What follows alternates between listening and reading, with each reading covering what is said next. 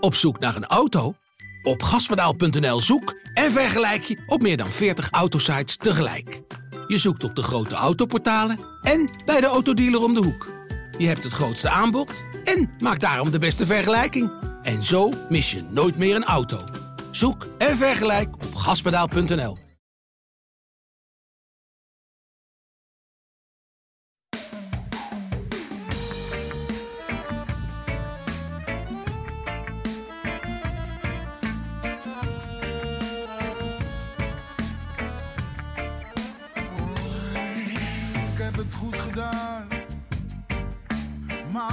zo fout gedaan.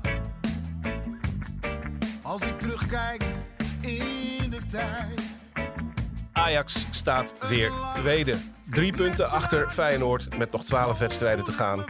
Feyenoord heeft een wat eenvoudiger programma op het oog, maar Ajax het betere doelsaldo en een klassieker in eigen stadion.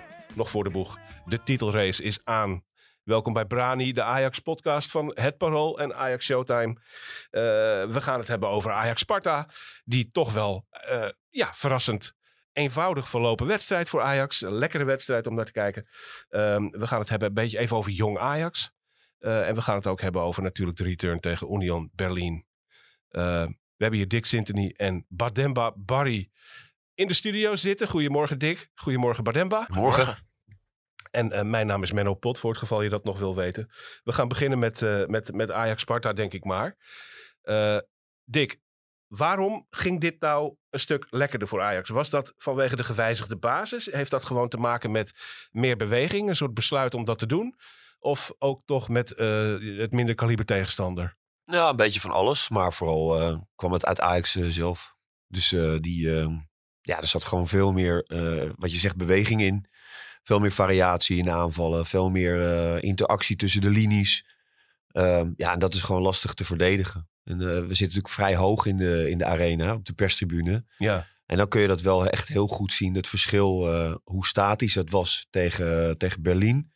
En hoeveel, ja, hoeveel, hoeveel loopjes er nu zeg maar, gemaakt worden zonder, zonder bal. Dat verschil is echt, echt heel erg groot. Kijk, daar begint het natuurlijk wel mee. het is, toch, het is toch geen rocket science? Waarom gebeurde dat tegen Union Berlin dan niet? Nou ja, goed, daar hebben we het eh, in die vorige podcast over gehad. Het Ja. was vooral voorzichtigheid. Ja. Ik, ik, ik blijf erbij dat het toch echt wel eh, gewoon in de hoofden zat.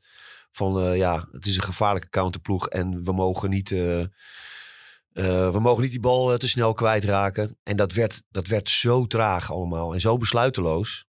Ehm, ja, dat je, dat je zo'n wedstrijd kreeg. Maar dat, dat, ik ga ervan uit dat ze dat aanstaande donderdag heel anders gaan doen. Nou, daar komen we zo nog over te spreken. We gaan het eerst over Sparta hebben. Ook een gevaarlijke ploeg, toch best wel. Eh, zesde plaats. Beleven min of meer een droomseizoen. Een beetje zoals Sparta dat in de jaren tachtig wel eens had. Dat ze echt in die, om die Europese plaatsen meededen. Eh, eh, een mooie ploeg. Ehm, die wel een beetje speelde, ook zoals Union Berlin in zekere zin, hè, Bademba? Ja, ja teruggetrokken, eh, verdedigend, homend op de counter. Al viel me wel op dat ze juist in de eerste paar minuten eh, heel hoog stonden en heel hoog druk probeerden te zetten. Dat Ja. Ajax op een gegeven moment ook een doeltrap kreeg. Dat er drie Spartanen rondom de, de 16 van Ajax stonden. Dat ik ook dacht van, eh, nou, wat is dit? Maar ja, Ajax speelde daar grotendeels prima tegen. Moet ik wel zeggen dat ik het in de eerste helft vooral ehm, in balbezit toch wat traag vond. Ehm, toch een beetje stroperig, toch een beetje ja, inspiratieloos, te weinig tempo. Ehm, en waar dat dan aan lag, ik denk dat dat toch vooral met de samenstelling van het middenveld te maken had. Eh, over Taylor als zes is natuurlijk vaak genoeg wat gezegd. Ja. Maar ik vond hem ook gewoon als, als verbindingsspeler, wat hij dan wel goed kan, vond ik hem eigenlijk best wel tegen, eh, teleurstellen. Ehm, en ja, Klaassen, eh, die staat natuurlijk normaal gesproken achter Tadic als een soort eh, ja, overlappende speler. Eigenlijk zakt Tadic terug naar het middenveld en is de bedoeling dat Klaassen er dan overheen komt. Alleen het heeft wel tot gevolg dat Klaassen als ja, de bal wat verder terug is, eigenlijk nauwelijks in het spel betrokken is. Ehm, en als dan eh, een Taylor en een Berghuis niet allebei heel goed, eh, heel goed functioneren, heel goed spelen, dan mis je toch wel wat op het middenveld. En dat had ik in de eerste helft wel bij Ajax. Ja. Ben je eens met deze analyse, Dick? Nee. Want de meeste mensen... De meeste, Nee. Ik bedoel, ik ben, niet- ik ben minder negatief over die eerste, eerste helft. Ja, ik ook. Ik ook. Want het is wel zo, je moet die tegenstander nog eerst maar eens eh, afschudden. En dat, eh, dat zag je tegen Union Berlin, weet je wel. Dat je echt niet, je kwam niet voorbij eh, die eerste lijn van, van, van, eigenlijk van aanvallers. om, om je eigen middenvelders goed aan de bal te krijgen. De aanvallend ingestelde middenvelders. En dat was nu, ja, dat was in het begin ben ik wel met Bademba eens hoor. Dat eh, was even zoeken. Maar ik vond dat vooral eh, Taylor zich eh, eh, met zijn goal in die periode, die fase en daarna ook wel steeds meer ontpopte tot de speler die hij kan zijn. En ook moet zijn. Dat moet hij van zichzelf eisen. En dat moet de trainer ook van hem eisen. Gewoon goed wegdraaien. Snel het spel weer van de ene kant naar de andere kant brengen. Eh, zonder bal ook eh, eh, vrijheid maken voor anderen. Weet je, hij stak, je, je zag echt dat, dat er een soort, misschien wel een beetje last van zijn schouders was gevallen. Dus hij, hij groeide echt wel uit tot, tot een van de betere spelers op het veld. Ja, dat is goed. Maar ja, dat zegt natuurlijk nog niks over de volgende etappe, Nee. Berlin. En of je dat ook zo moet doen tegen die sterkere tegenstander. Ik denk het eerlijk gezegd niet. Daar is het nog even te vroeg voor. Maar ehm, het is wel hoopgevend, vind ik. Ja. Ik, vo- ik vond de combinatie ook... Ja, ik heb het geschreven als zijnde een middenveld... Waar, waarin je altijd zoekt naar eh, een, een, een controleur slash paser. Een dribbelaar en een loper. En, en als, je, als je die combinatie eh, eh, vindt en hebt... Dan, eh, ja, dan, dan ben je al een heel eind, denk Ja. ik. En dat zie je bij Feyenoord en AZ. AZ heeft dat echt heel goed op elkaar afgestemd. Feyenoord nu ook. eh, met met, Kla of met Kukçu in die rol. En dan Szymanski eh, wat, wat aanvallender. En ehm, ja, daar is Ajax natuurlijk wel een beetje mee aan het worstelen. Ja. En PSV helemaal. Die, die vinden het nooit op het middenveld. En die staan ook niet voor niks nu. Eh, eh, zakken ze helemaal weg. Dat- Maar het is wel de enige puzzel die. eh, Want Heitinga is tot nu toe van de stabiele opstellingen. Hij, hij wisselt weinig. De enige wisseling die hij wel regelmatig doet, heeft hiermee te maken. Met die middenveldbezetting. Alvarez daar eh, laten spelen of niet. eh, en dan weer Klaassen in de basis of niet. Dat is eigenlijk de enige wisseling die hij tot nu toe eh, doet. Eh gisteren stond daar dus Klaassen. En hoe, hoe, hoe beviel hij jou? ja, wat ik zeg, eigenlijk een beetje eh, onzichtbaar. En dat is natuurlijk ook wel eh Klaas' spel. Klaas is niet iemand die eh, in balbezit de bal op ijs, die het spel gaat verleggen. Is wat ik zeg, is een loper, dus die moet die loopacties maken. En we hadden een, paar weken geleden ook al over gehad natuurlijk. Naar Tadic in de spits als aanspeelpunt. Dat werkt heel goed. Als in die trekt weg en die laat ruimtes. En dat zijn ruimtes waar Klaassen in kan duiken. Alleen ik had wel regelmatig het idee dat Tadic ruimtes liet waar Klaassen dan geen gebruik van maakte. Een paar momenten waarbij ik het idee had dat ik eigenlijk wilde zeggen van nou, dat is nou juist zo'n situatie waarin Klaassen heel handig is. Dan heb ik bedacht, maar oh, wacht, Klaassen staat ook op het veld. niet. Dus waarom staat hij daar dan niet? Ja. Ehm, dus in dat opzicht eh vond ik Klaassen wel, ja, eigenlijk teleurstellend spelen ook. Ja. Ja, nou goed, ja, ik, ja. Je kan op, op allerlei manieren natuurlijk naar een wedstrijd kijken. Ja, ik, ik vind dat hij meteen gewoon zijn stempel drukt op de wedstrijd. Namelijk door bij die tweede paal echt geweldig weg te lopen uit de rug van de Guzman. Echt zo'n Klaassen actie. Want als je daar blijft staan of je blijft op de penalty stip staan, dan eh, is het niks. En hij ziet op het moment dat de voorzet gaat komen, dan doet hij net vier, vijf passen achteruit. Ja, geen idee of die bal daar gaat komen. Maar als hij daar komt, dan ben je ook helemaal vrij. ja. Ja, dat is eh, in de zesde minuut. Dat is natuurlijk zo'n ja, belangrijk moment. Heerlijke start. Dat Ja, overkomt ja dat heb je nodig. Ja, dat ja. heb je nodig. En dat beetje zo die, als je te- naar die combinatie kijkt van eh, eh, tegen Berlin, zeg maar, de afgelopen die thuiswedstrijd, dan, dan heb je Alvarez en eh, Taylor dicht bij elkaar staan en Kudus, zeg maar, de dribbelaar ver vooruitgeschoven als aanvallende middenvelder. ja. ja die, die combinatie die klopt niet, omdat je Kudus dan ook niet echt goed aan de bal krijgt. Weet je, als je zo had willen spelen, dan is het eigenlijk logischer dat je Kudus naast Alvarez zet. En wel een type als Davy Klaassen met de punt naar voren laat, eh, laat spelen. Ja. Dan, is die, die, eh, dan is die formatie gewoon logischer. Want je zet nou je dribbelaar zeg maar, eh, op, op, heel hoog op het veld, terwijl je daar niet komt. En dat is gewoon zonde. Dus dan Ja. valt dat gewoon helemaal weg. verwisseling in het team die je aan de opstelling misschien niet direct zag, maar in het veld heel duidelijk wel, was dat Kudus en eh, Berghuis weer geswitcht hadden van plek. Eh, Bademba. Vertel wat dat voor significantie had. Ja, nou, ik ben het in eh, die zijn ook wel eens met wat Dick zegt. Kudus is natuurlijk iemand die de bal graag in de voeten wil hebben. Ehm, en zeker tegen een tegenstander die zo teruggetrokken speelde als Union. En daarbij dan ook nog, die zullen Kudus ook in de gaten hebben gehouden. En die zullen hebben geweten dat Kudus de gevaarlijkste man is geweest bij Ajax de afgelopen weken. Ja. Ehm, zag je dat Kudus het gewoon heel erg moeilijk had met eh, de dubbele, soms drie dubbele dekking. Waarin hij of al stond of in terecht kwam zodra hij een paar passen zette. Eh, en ja, ik weet niet of hij dat deed anticiperend op het feit dat Sparta op een vergelijkbare manier zou gaan spelen. Maar dat het Kudus weer aan de rechterkant stond.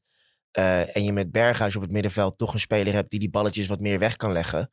Zag je wel dat Kudus weer wat meer ruimte had. en op die manier meer zijn acties kon maken. Terwijl Berghuis vanaf het middenveld weer belangrijker was als spelverdeler. Ja, ja, die voldeden eigenlijk tegen Union Berlin allebei niet in die, in die gewisselde eh, rol. En eh, nu weer, eh, weer wel. We moeten het natuurlijk even over Dusan Tadic hebben ook, hè? Het fenomeen. Zijn honderdste en honderd doelpunt voor Ajax. En dat leidde tot een mooi, wat emotioneel onder onsje met de aanhang naar Gewoon afloop. 100, toch? Ik dacht dat de penalty eh treffer nummer 100 was. Ja, klopt. Ja, die, die, die, die, die 100. intikker, die eerste, dat was eh 99. 99. En de penalty was 100. Daar staat nu precies op 100. I stand Ja. corrected. Hij heeft er precies 100, Dusan Tadic. Eh, speelde ook een buitengewoon sterke partij als, als spits. Eigenlijk heeft dat, sinds hij daar weer staat, nog geen enkele keer zo goed gefunctioneerd als nu. Ja, ja wel eens. Ehm, en ik denk dat hij, dat de wedstrijd tegen Sparta is eigenlijk eh, het ideaalbeeld van hoe je Tadic in de spits wil gebruiken als aanspeelpunt.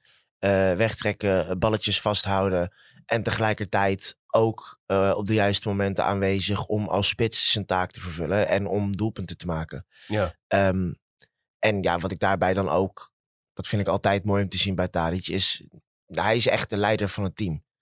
Eh, en dat zie je bijvoorbeeld bij een Taylor, die heeft het moeilijk gehad. Nou, en daar neemt Tadic dan nog een extra momentje voor nadat Taylor zijn doelpunt gescoord heeft. Om eventjes bij het hoofd te pakken, eventjes een eye over de bol te geven, lekker bezig. Ehm, nou, bij de penalty dacht ik zelf nog, nou misschien dat hij hem aan Bergwijn geeft. Want Bergwijn is natuurlijk ook wel erg nadrukkelijk op zoek naar een doelpunt. Maar dan eh, ga ik ervan uit dat Tadic wist dat hij op 100 doelpunten kon komen. Dus dat zelf erg graag wilde bereiken. Maar dan zie je wel weer eh, dat bij de vrije trap, ehm, die normaal gesproken ook prooi voor een Tadic zou zijn, dat hij die dan aan Kudus geeft, wetende dat Kudus die speciale boodschap op zijn shirt heeft staan voor Christian Atsu, ja, eh, ja. die bij de aardbeving eh, Turkije overleden is. En dat Kudus die vrije trap dan mag Maar nemen. misschien moet Kudus gewoon eh, elke wedstrijd zo'n shirt aantrekken. En dan laat die Tadic tenminste die vrije trappen, eh, trappen over aan, aan hem. Want Ja. die, die, die, van- die van Tadic die vliegen alle kanten op. En hij schiet hem gewoon even zo een bovenhoekje. Poem. ja, hij zat er heel knap in. Schitterende bal. Ja, ja. En geen gele kaart van eh, scheidsrechter Van Boekel voor het shirt. eh, dat was opgedragen aan eh Atsu. Even goed begrepen waar het om draait. De scheidsrechter in dit geval. Eh, Dick, we hadden Nou het ja, hier... wat, een, wat, een, wat, een, wat een bijzondere speler toch gewoon voor Ajax. Ja. Dat, Ja. dat is, die komt in de zomer van 2018 binnen. En als je ziet wat, die, wat er nu allemaal in die vijf jaar, vier en een half gebeurd is. Met hem en met Ajax en wat hij voor elkaar heeft gekregen. Ja, echt ja, in, in de geschiedenis van de club gewoon echt wel eh, een hele bijzondere, hele bijzondere speler. Totaal icoon. Een, En een- van genieten nog, hè, zeg ik altijd maar weer tegen de mensen die supporter zijn van, eh, van de club en zo. Ja, geniet er nou van. Want voor je het weet is het weer, is het weer voorbij. Ja, ja. Ja, Dusan Tadic, eh, grote Ajaxiet. Een, een, eigenlijk gewoon een Ajaxiet die zijn tijdperk, het boegbeeld van zijn tijdperk is. Zoals misschien ooit een Jari Liedmanen dat was. Of een, Stefan Pettersson dat was. Eh, grote Ajaxieden die voor altijd gekoppeld zullen blijven aan een bepaald tijdperk. Ehm, eh, Dick, we hadden het hier in de vorige podcast over. eh, toen, toen gaf jij eigenlijk aan dat er bij Ajax veel spelers zijn eh, die geacht worden op een bepaalde plek te spelen, terwijl ze daar eigenlijk niet goed horen. En dat noem- noemden we ook Tadic. Eh, van ja, we hebben Ajax stelt een spits op die geen echte spits is, een rechtsbuiten die geen echte rechtsbuiten is, eh, en dat dat een zoektocht was, een puzzel. Gisteren ging dat ineens allemaal veel beter en vielen die kwartjes wel. Ja, nee, zeker. Maar dat. ehm, kijk, Tadic kan wel in de, in de spits spelen. Maar ja, je zal denk ik elke keer eh, af moeten wegen eh, of, of hij dan wel of niet de, de juiste man is op die eh, plek.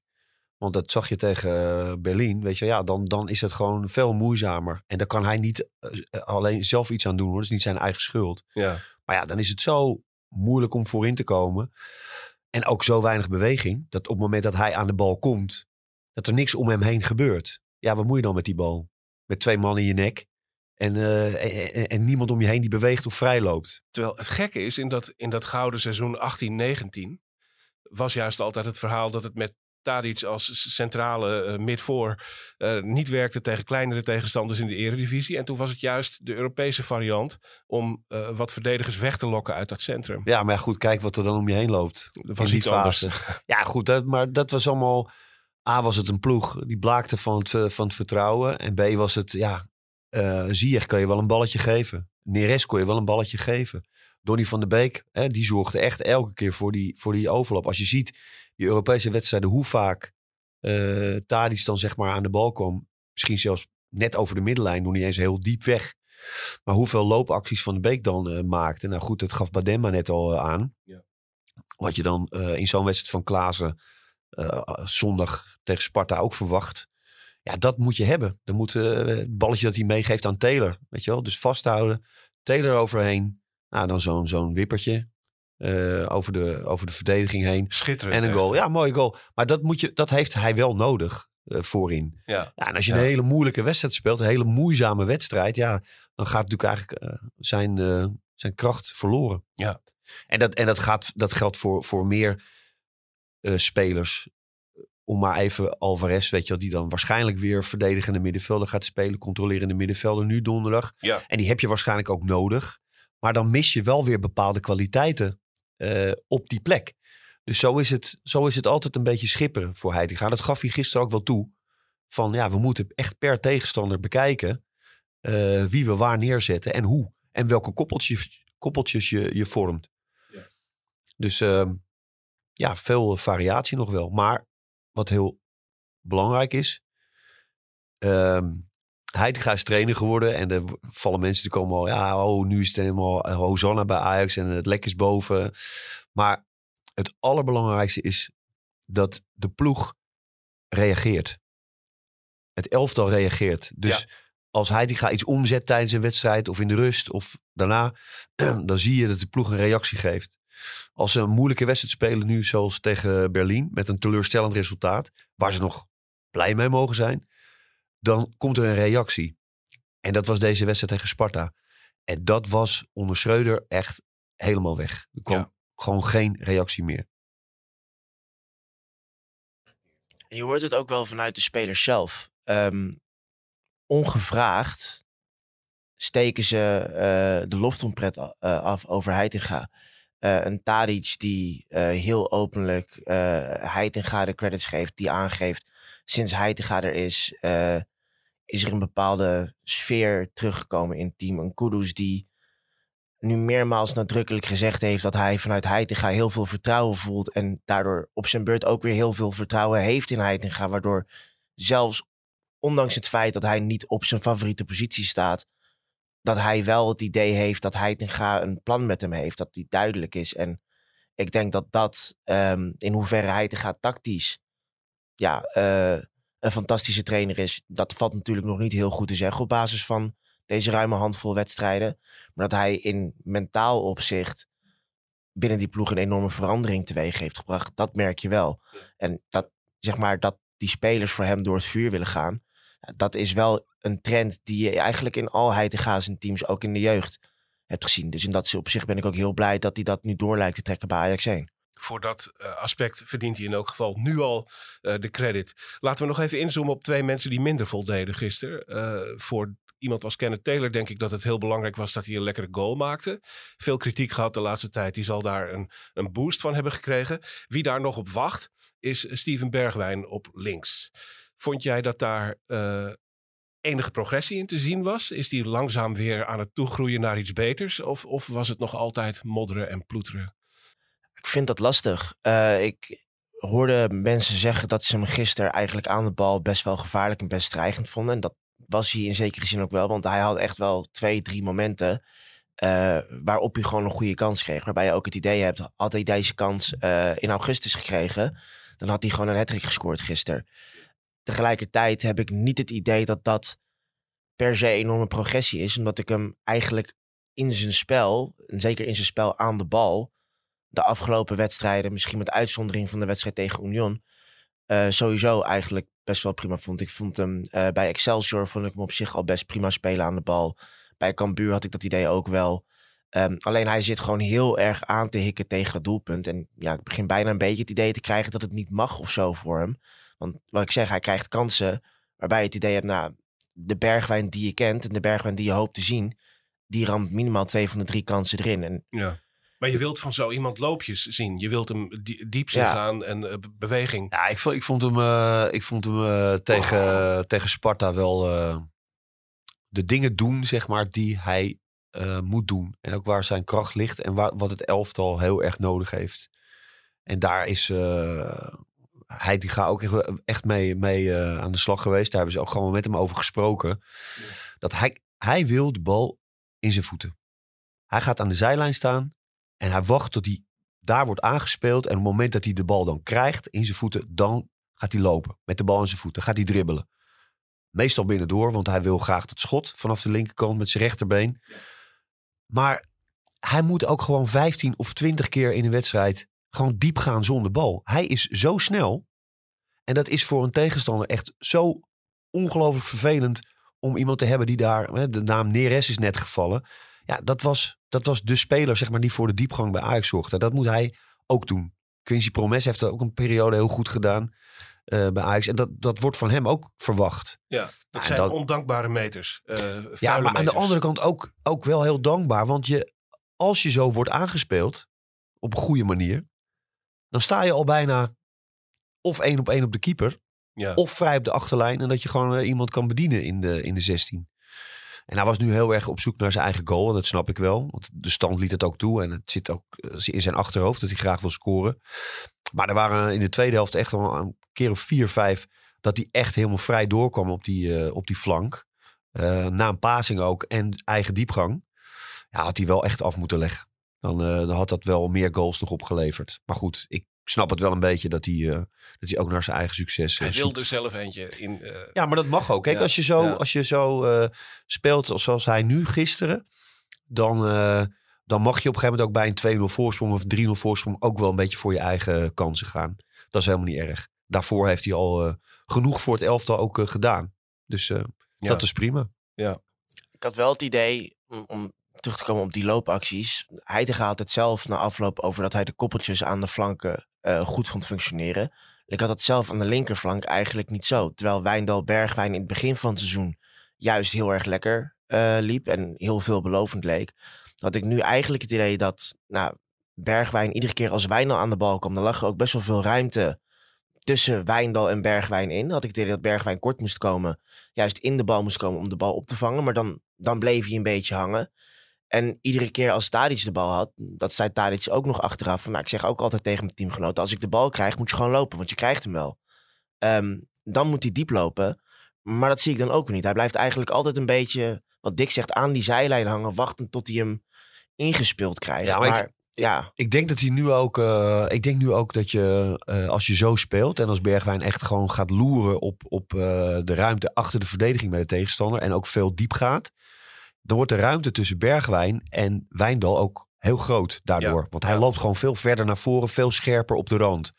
Dus voor Wijndal ontstaat dan wel een nieuwe situatie. Die zal het iets op, op een iets andere manier moeten gaan doen. Minder overlap, maar misschien wat meer aan de binnenkant spelen. Dus, dus, dus wat, wat dichter bij Tadic eigenlijk dan bij Bergwijn. Ja. En dat is, eh, ik weet niet of hij dat, eh, of hij dat kan. Weet je, dat heeft hij natuurlijk nooit, Wijndal bedoel ik dan, dat heeft hij nooit zo gedaan. Het is echt een, een, een man die inderdaad aan de buitenkant eh eromheen gaat. Ja, En ja. veel loopvermogen heeft. Maar Dat niet- was waar Ten Hag altijd bovenop zat. Die half, halfruimtes benutten. En eh, dat ziet Wijndal nog niet helemaal. Is mijn... eh, Ja, misschien ziet hij het wel, maar, eh, maar, maar de vraag is of hij dat, eh, of hij dat kan. Weet je wel? Dat is toch, vraagt echt iets heel anders Ja. van hem als voetballer dan. Kijk, als je. dan word je een soort gespiegelde Mazraoui eigenlijk. Die was daar Ja, die, Eh, die was daar geniaal, in. geniaal in. Ja, die deed ook liever, die speelde liever aan de binnenkant dan dat hij buitenom ging. Dus dat is ook weer, ja, waar ligt, eh, waar ligt je kracht? En waar, eh, waar voel je het prettigst bij? Wat kan je het elftal geven? Dus, maar dat is wel interessant hoor. Wat Bademma net ook zegt. Van, als Bergwijn inderdaad gewoon dieper weg gaat spelen. En vaker gaat loeren op, op die loopactie vooruit. Ja, dan, dan wordt de rol van Wijndal ook wel, wel anders natuurlijk. Wat zou het welkom zijn? Een Steven Bergwijn die in de laatste twaalf wedstrijden van het seizoen nog even losschiet. En, eh, Als, als iemand het verschil moet gaan maken eh, tegen Berlin, denk ik, is hij het. Ja, ja. Dus daarom zijn ze daar ook zo mee bezig. Hij kan echt een geweldig wapen worden voor Ajax en de manier waarop ze nu voetballen. Alleen niet op de manier zoals hij het tot nu toe heeft ingevuld. Dus eh, ja, dat is wel heel interessant. Ik denk dat hij gewoon een doelpunt nodig heeft. Hoe dan ook. Die bal mag bij wijze van spreken van, van zijn knie afrollen eh, op vijf centimeter van de doellijn. Maar hij moet gewoon een keer de stadionspeaker horen roepen dat Steven Bergwijn gescoord heeft. En dan, ja. dat is toch denk ik iets mentaals. Ja, dat is een mooi beeld. Dat, dat- dat- daar lijkt het inderdaad een beetje op te hangen op dit moment. eh. hey Dick, de, de, eh, het perspectief in de competitie. Feyenoord won van AZ. Je weet het, hè? Ik heb het gezegd dat, Ja. eh, dat Ajax geen kampioen gaat worden. Dat Ja, dus dan moet, ik, dan moet ik wel. eh, ik hou voor Dus mijn ik- stuk hoor. Ik probeer je nu gewoon toch weer even een beetje... Ze komen heel dichtbij. en eh, nee, wat ze doen is goed. En het aantal clubs nu al gepasseerd en zo. Ze staan tweede. Maar ja, ik, ik, ik, ik denk echt nog steeds dat het gewoon iets te veel is geweest. zo rond die winterstop, ervoor en daarna. En, en dat Feyenoord, ja, je ziet het nu toch weer. Is geen toeval dat ze echt in die laatste minuut weer een goal maken. En ook weer vlak voor rust, weet je wel, eh, een goal maken. Ja, dat kan die ploeg heel goed. Dus die gaan, die halen echt, die gaan het maximale eruit halen. Ik zeg niet dat ze alle wedstrijden gaan winnen, maar wat ze kunnen pakken, dat gaan ze pakken. Ja, dat is voor Ajax wel, eh, wordt lastig hoor. Echt, Ja. blijf ik bij. Ja. Want je kunt die klassieker winnen in eigen huis, maar dan moet je ook nog een hele roedel eh, toptegenstanders verslaan om Feyenoord van je af te houden daarna. Eh, want Ajax krijgt ze allemaal nog wel. Twente en AZ en PSV. En eh, Feyenoord heeft ze gehad nu. Ja, nee, dus dat is, eh, dat is ook een beetje waar ik dan naar keek. Ook, ook wel naar het programma. En Ajax heeft vooral, eh, nou, dat hebben we ook al eerder gezegd, de laatste vijf wedstrijden van het seizoen, die zijn echt eh, pittig. Ja. En dan had je, ge, ge- mijn gedachte is dat je, zeg maar, nu, met de winterstop of daarna, juist een voorsprongetje zou hebben op, eh, op de rest. Om, om, om daar in eh, die laatste fase ook wat eh, te mogen morsen. Ja, ja. ja. het wordt nu wel heel, ja, je moet, je moet echt alles eruit halen. Ja, dat buffertje is er niet. Ehm, er wordt nu eigenlijk gezegd AZ is afgehaakt in de titelrace. Denk jij dat ook? Nee. Nee? Nee. Is Twente afgehaakt? Maar dat is ook omdat eh eh, AZ wel iets meer mogelijkheden heeft. En het ook gewoon, eh, ja, ik, ik vind het een. ze waren nu heel zwak. Is PSV afgehaakt eigenlijk? Niet Ja eens je, bent, ja, je de- bent, ja, je bent geneigd te zeggen van wel. En, dan vooral niet eens vanwege de klassering, maar omdat het daar niet functioneert. Nee, en, en die, die doen toch ook. Ja, die doen met die twee verkopen in de, in de winter. Ja, dat zeg je niet hardop. Maar in feite zeg je wel van. We doen er afstand van. Weet je wel? Van, van die strijd om de titel. Ja, En dat, dat zit eh, ook wel in de hoofden bij, eh, bij de mensen die daar eh, voetballen zelf. De spelers zelf, maar ook de technische staf. En iedereen weet, weet je, je gaat, natuurlijk doe je je best. Maar dat is wel een... eh, ja, dat zijn wel cruciale verkopen natuurlijk. Die je Ja. doet. Kijk, waar ik me het meest aan vasthoud, ehm, is dat als je kijkt naar eh, de ranglijst nu en het aantal punten nu van de meeste teams ten opzichte van vorig seizoen, is het eigenlijk vooral Ajax en PSV die het significant minder goed doen ten opzichte van vorig seizoen. En Feyenoord dat eigenlijk ongeveer gelijk presteert. Eh, en in dat opzicht heeft Feyenoord natuurlijk nu wel zijn zwaarste wedstrijden gehad. En hebben ze eigenlijk alleen nog de klassieker in de arena als echt hele zware wedstrijd. Maar kun je er in dat opzicht van uitgaan dat ook met het Europees programma, dat voor hun natuurlijk over een paar weken ook weer gaat starten, dat er hier en daar toch nog wel eh, ja, wat wedstrijden gaan zijn waarbij wij punten gaat laten liggen. En dan is het gewoon aan Ajax. En als Ajax in de eredivisie, dat zag je gisteren ook weer, dat was een prima zegen, maar het was nou niet alsof Ajax eh, volle bak ging en 100% gaf. Dat idee had ik niet. Het was op een gegeven moment 2-0 en toen wist Ajax ook wel, de wedstrijd is gespeeld. Dus Ajax heeft de selectie en de kwaliteit om het overgrote deel van de eredivisiewedstrijden op die manier te winnen. Dus als Heitinga in dat opzicht het maximale uit zijn spelers eh, blijft weten te halen, dan hoeft het tactisch nog niet eens eh, ja, een meesterbrein te zijn. Maar dan denk ik wel dat hij in staat is om Ajax naar de titel te leiden dit seizoen. Maar foutloos blijven in Eindhoven tegen PSV en tegen AZ. En het, het wordt, eh, het wordt een uitdaging. Ehm, goed, we gaan even schakelen, jongens. Eh, ik wil het heel even over Jong Ajax hebben, Bademba. Jij zit hier als Jong Ajax-watcher eh, eh, bij ons. Dus dan moeten we daar eventjes op inzoomen. Want Jong Ajax heeft een nieuwe trainer, Dave Vos. En die gaat vanavond tegen MVV op de toekomst voor het eerst een wedstrijd coachen. Ehm, wie is die man? Wat kun je over hem vertellen? Ja, nou, ik weet eh, in die zin niet zo superveel van hem. Omdat hij bij Jong Ajax eh, eigenlijk voor mijn periode eh, als Jong Ajax-watcher assistent geweest is van Mitchell van der Gaag. Maar hij is wel iemand die al een aantal jaar meedraait op de toekomst. Dus hij is onder andere trainer geweest van Ajax onder 17 een tijd. Hij is assistent geweest dus van Mitchell van der Gaag toen hij nog trainer van Jong Ajax was. En eigenlijk op het moment dat Heitinga begin vorig seizoen doorgeschoven werd als trainer van Jong Ajax. Heitinga was daarvoor de trainer van de onder 18. Toen schreef, eh, schoof Vos eigenlijk op die manier door eh, naar de onder 18. En het was het idee dat hij dat zou blijven trainen. Alleen toen werd Van Bronckhorst aangesteld als trainer van Rangers. Omdat Jared daar weer wegging. En die nam Dave Vos toen mee. Ehm, dus toen hebben die daar samen, nou, ik denk een jaar of wat gezeten. Ehm, nou, en Van Bronckhorst is natuurlijk recentelijk ontslagen bij, eh, bij Rangers. Vos dus ook. Eh, dus Vos is nu weer beschikbaar. en Komt nu dus terug als trainer van Jong Ajax. Maar hoe ik hem zou moeten inschatten als trainer qua spelopvatting... zou ik zelf ook nog niet heel veel verder komen dan dat het een Ajax-trainer is. ehm, die ja, gerijpt is binnen de club. Dus in dat opzicht eh, het spelletje dat Ajax wil spelen in ieder geval snapt. Zullen we zien hoe het uitpakt. Want Jong Ajax kan nog wel eh, een impulsje gebruiken ook, hè? Toch? Ja, ja kijk, het, niet zo'n spetterend seizoen voor ze. Nee, en is bij Jong Ajax natuurlijk eigenlijk een beetje taboe om over de resultaten te praten. Want de opleiding van de spelers staat voorop. Ja. Eh, en dat is natuurlijk ook zo. En daarin schuilt ook wel een groot deel van de verklaring van waarom het nog minder loopt. Ja. Ehm, vorig jaar had Maar je... goed, dan moet je wel het gevoel hebben dat er iets spannends gebeurt daar. En dat gevoel is er ook niet, niet echt. Nee, en dat heeft denk ik vooral te maken met de spelers die er nu rondlopen. Waarvan er eigenlijk op dit moment ehm, niet één regelmatig in ieder geval in de basis staat die, die wat leuks doet. Die een, ja, een, een, een, ja, een beetje een spark brengt. Ehm, Rasmussen die heeft dat nog wel eens. Die had bijvoorbeeld een paar weken geleden een wedstrijd waarin rond de middenlijn zo'n beetje alles lukte. Ja. Maar dan in de 16 eigenlijk zo'n beetje alles mislukte. Thuis tegen Peck. Ehm, maar vorig jaar had je natuurlijk Naji Univar bijvoorbeeld lopen. Ja, en zelfs als Jong Ajax een slechte wedstrijd speelde, had hij altijd wel één of twee momentjes ertussen zitten waarin je dacht, hé, hey, dat is leuk. En daar gebeurt wat. En vaak was het dan ook nog beslissend.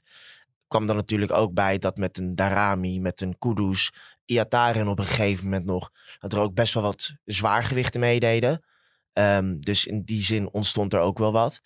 Maar dat mis je nu eigenlijk een beetje. En in een Misohoy zit er wel iemand bij de selectie bijvoorbeeld die dat kan, die dat in zich heeft. Alleen die speelt weinig. En als hij speeltijd krijgt, is het vaak ook niet op zijn favoriete positie. Vaak in de aanval, terwijl hij zichzelf toch als nummer 10 zit.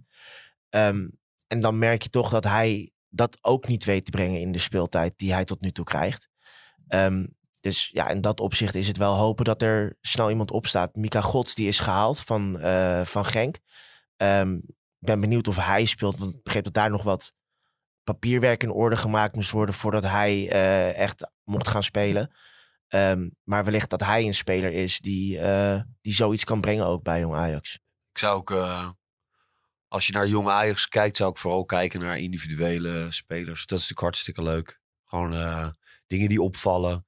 Eh, ook de omstandigheden, zeg maar, die er zijn. Soms eh, of spelers wel of niet opstaan. Ja. Of ze wel of niet laten zien wat, ze, wat ze in huis hebben. Ik kan me in het verleden ook nog wel herinneren.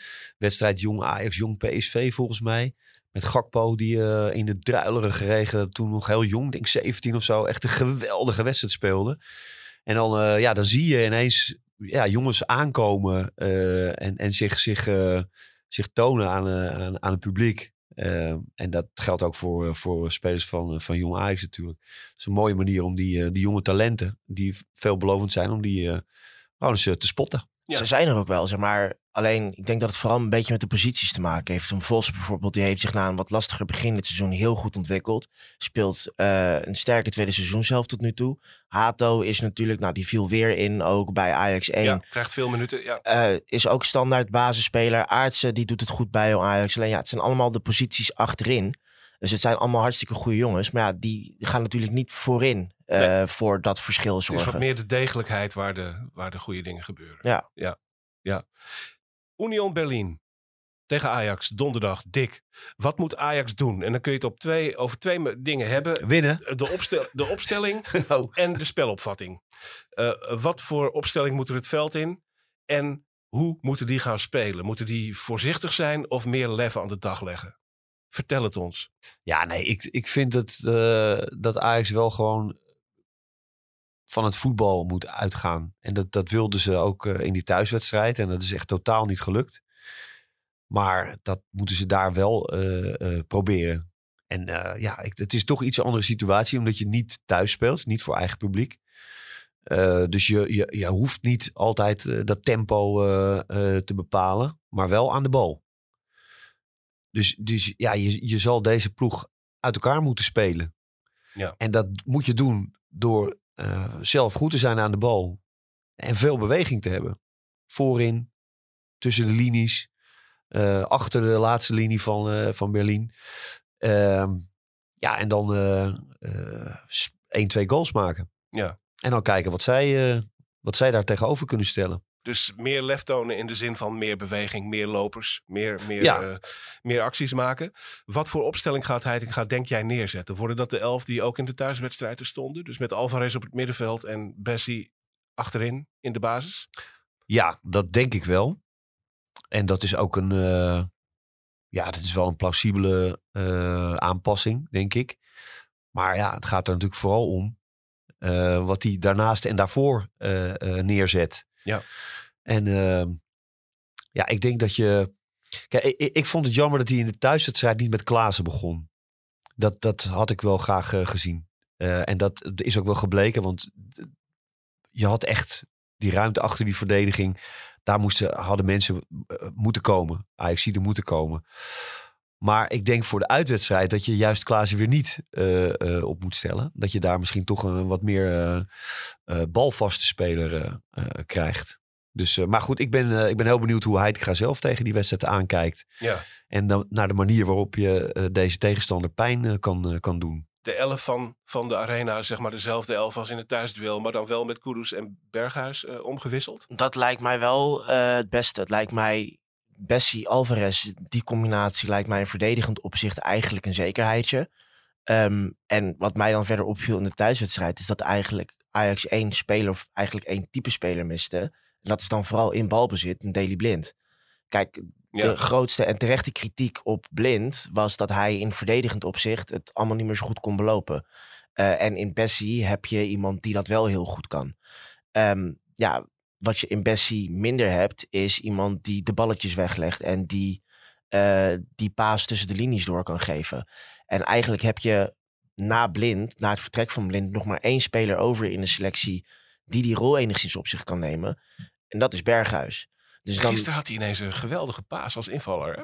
Zeg je, Dus- of wie was het ook weer? Eh, Bessie, op Bobby was dat. Op Robbie, ja. ja. Ja. ja, Echt, echt op op het stropdassie. Nou, hij heeft het ook wel in zich. Ja. Hij heeft niet, niet per se het eh, zoals Blind dat heeft, maar het voetballend vermogen heeft Bessie wel degelijk in Ja, zich. ja. Ehm, alleen als spelverdeler is er denk ik maar één aangewezen man op dit moment en dat is Berghuis. Dus wat je mijn optiek moet doen is je moet Alvarez en Berghuis zeg maar voor het centrum neerzetten. Met Alvarez als een beetje het verdedigende powerhouse eh, en Berghuis als de voetballer daarnaast. Ehm, en dan moet je kijken of je een Kudus op rechts wil zetten of op 10. Dat je dan bijvoorbeeld een Concessao eh erbij zet op rechts. Maar je hebt daar op die rechterflank denk ik ook wel wat snelheid nodig. Iemand met een actie, iemand die zijn man op durft te zoeken. Ehm, maar ik denk dat als je gaat kijken naar, naar de achterste linie, zeg maar, plus het middenveld, dat het gewoon heel belangrijk is om ja, eigenlijk een soort eh, ja, 1 plus 1 eh, combinatie te maken met, met het verdedigende aspect. En Berghuis die daar staat voor de passing. En eigenlijk in die zin een beetje het voetballende gedeelte van de Daily Blindrol op zich pakt. Ja. Ga je eigenlijk iets meer ruimte krijgen van die Duitsers? Of zijn die Nou ja, in, goed, in dat- thuiswedstrijden net zo... eh, Ja, dat is de vraag.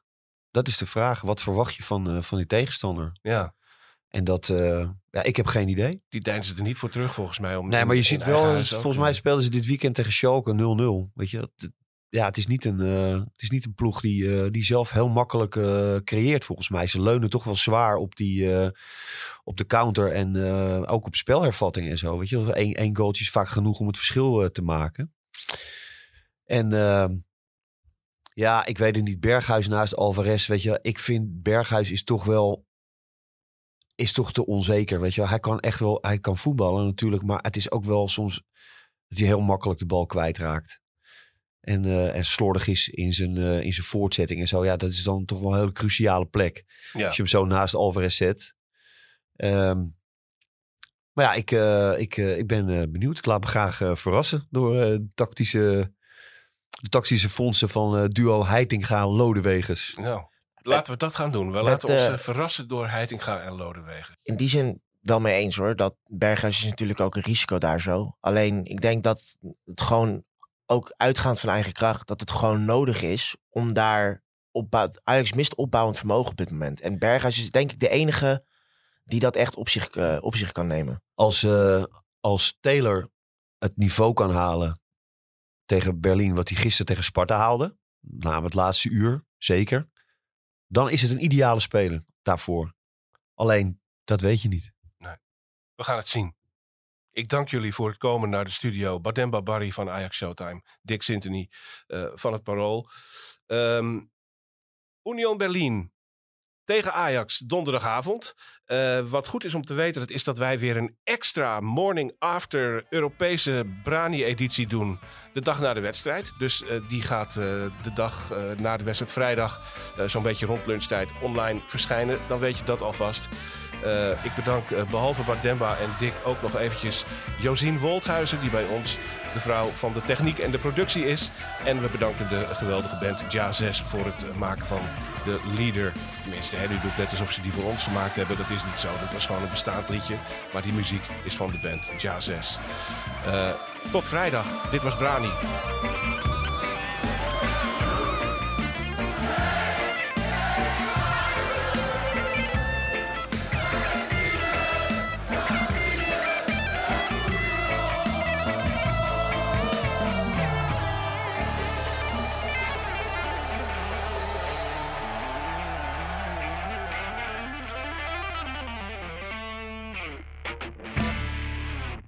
Op zoek naar een auto? Op gaspedaal.nl zoek en vergelijk je op meer dan 40 autosites tegelijk. Je zoekt op de grote autoportalen en bij de autodealer om de hoek. Je hebt het grootste aanbod en maakt daarom de beste vergelijking. En zo mis je nooit meer een auto. Zoek en vergelijk op gaspedaal.nl.